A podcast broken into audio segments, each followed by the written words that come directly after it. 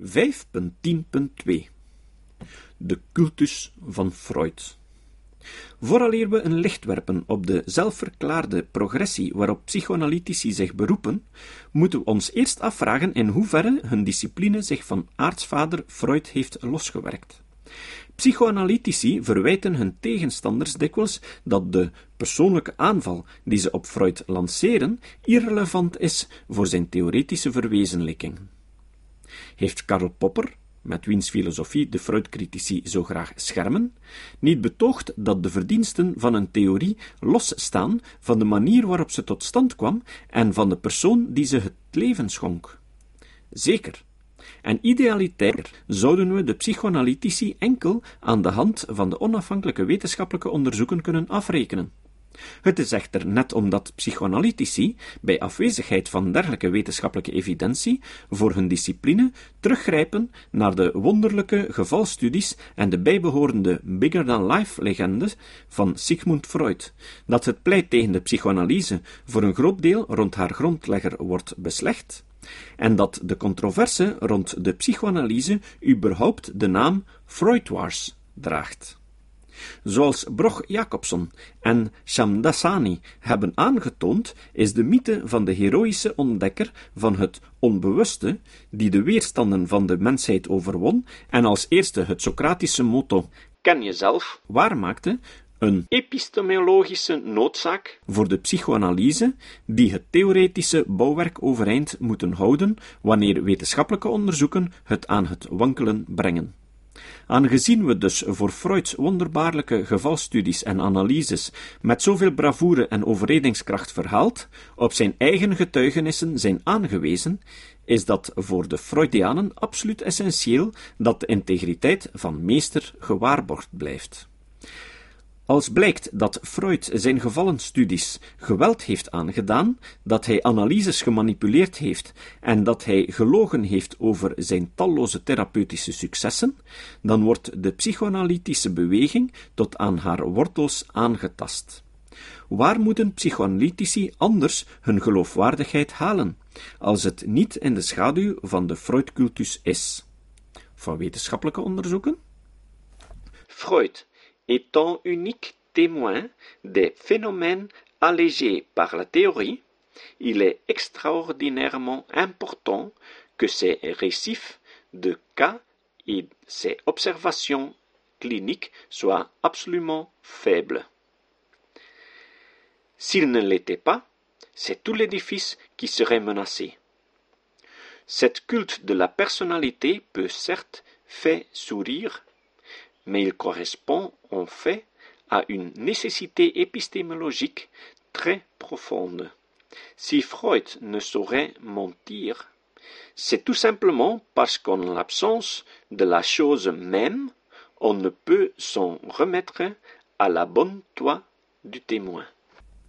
In extreme gevallen kunnen zelfs relatief triviale biografische feiten over Freud de psychoanalytische gemeenschap in rep en roer zetten. Geen haan zou er bijvoorbeeld naar kraaien, mochten historici ontdekken dat Darwin een buitenechtelijke relatie had met zijn schoonzus.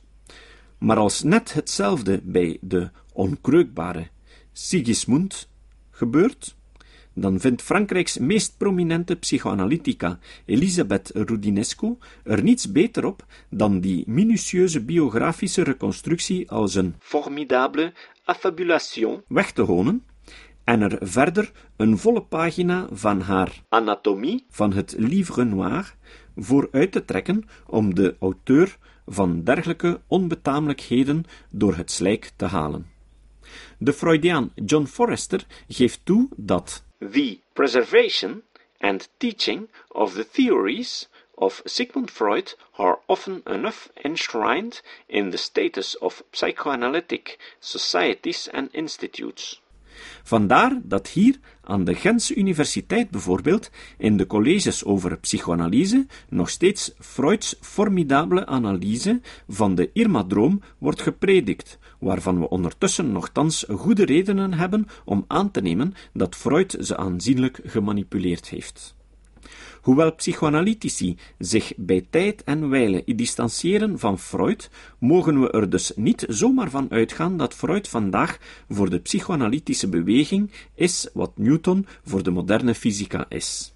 Wanneer Jonathan Lear, een van de meest vooraanstaande hedendaagse psychoanalytici, bijvoorbeeld schrijft dat The many attacks on Freud refuse to recognize that Freud gave birth to a psychoanalytic movement which in myriad ways has moved beyond him.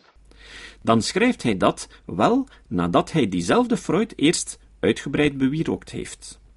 De Unwillingness to let Freud go waarmee Lear zijn tegenstanders psychologiseert, lijkt vooral op hemzelf van toepassing, want spijts zijn verzekering over de psychoanalytische progressie sedert Freud, acht Lear het nog steeds nodig om de tendentieuze versie van de geboorte van de psychoanalyse, dat Freud zich plots realiseerde dat hij te lichtgelovig was geweest over de seductieverhalen van zijn patiënten, nog maar eens te herkouwen.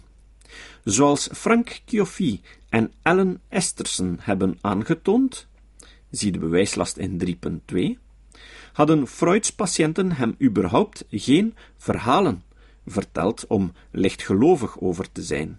En was het Freud zelf die deze gereconstrueerde verhalen aan zijn onwetende patiënten had opgedrongen, middels precies diezelfde defecte methodes die hij tot op het einde van zijn leven zou blijven gebruiken.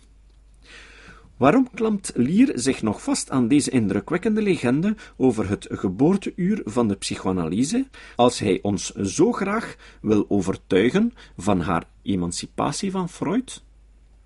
De aanhoudende cultus rond de figuur van Freud buiten beschouwing gelaten, zijn er nog twee goede redenen om de kritiek op de psychoanalyse via een ontleding van Freuds werk een historische dimensie te geven. Ten eerste hebben we in 5.2.3 gezien dat het precies de legende rond Freud is die psychoanalytici in staat stelt om het alleenrecht te eisen op talloze platitudes en om de exotische psychoanalytische invulling van de donkere kant van ons bestaan te verwarren met het kennisdomein waarop ze van toepassing zijn.